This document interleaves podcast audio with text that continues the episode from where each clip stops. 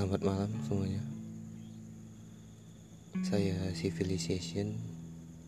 Di sini akan bercerita tentang pengalaman saya.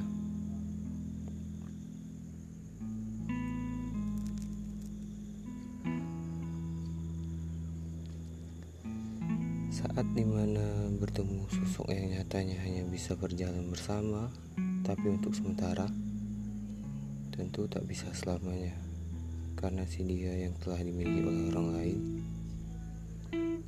Dan yang ironisnya adalah menyadari bahwa ia sudah bersama yang lain, namun kita masih mau mencoba mendekati atau merespon saat didekati. Ketika hati dan logika tak bisa berjalan beriringan, ingin bersama namun tak bisa melewati batas. Ya, hanya singgah, tak pernah berencana menetap.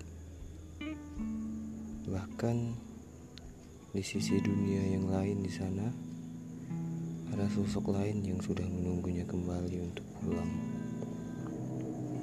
Sekali lagi, kamu hanya tempat singgah, atau kamu yang sementara singgah.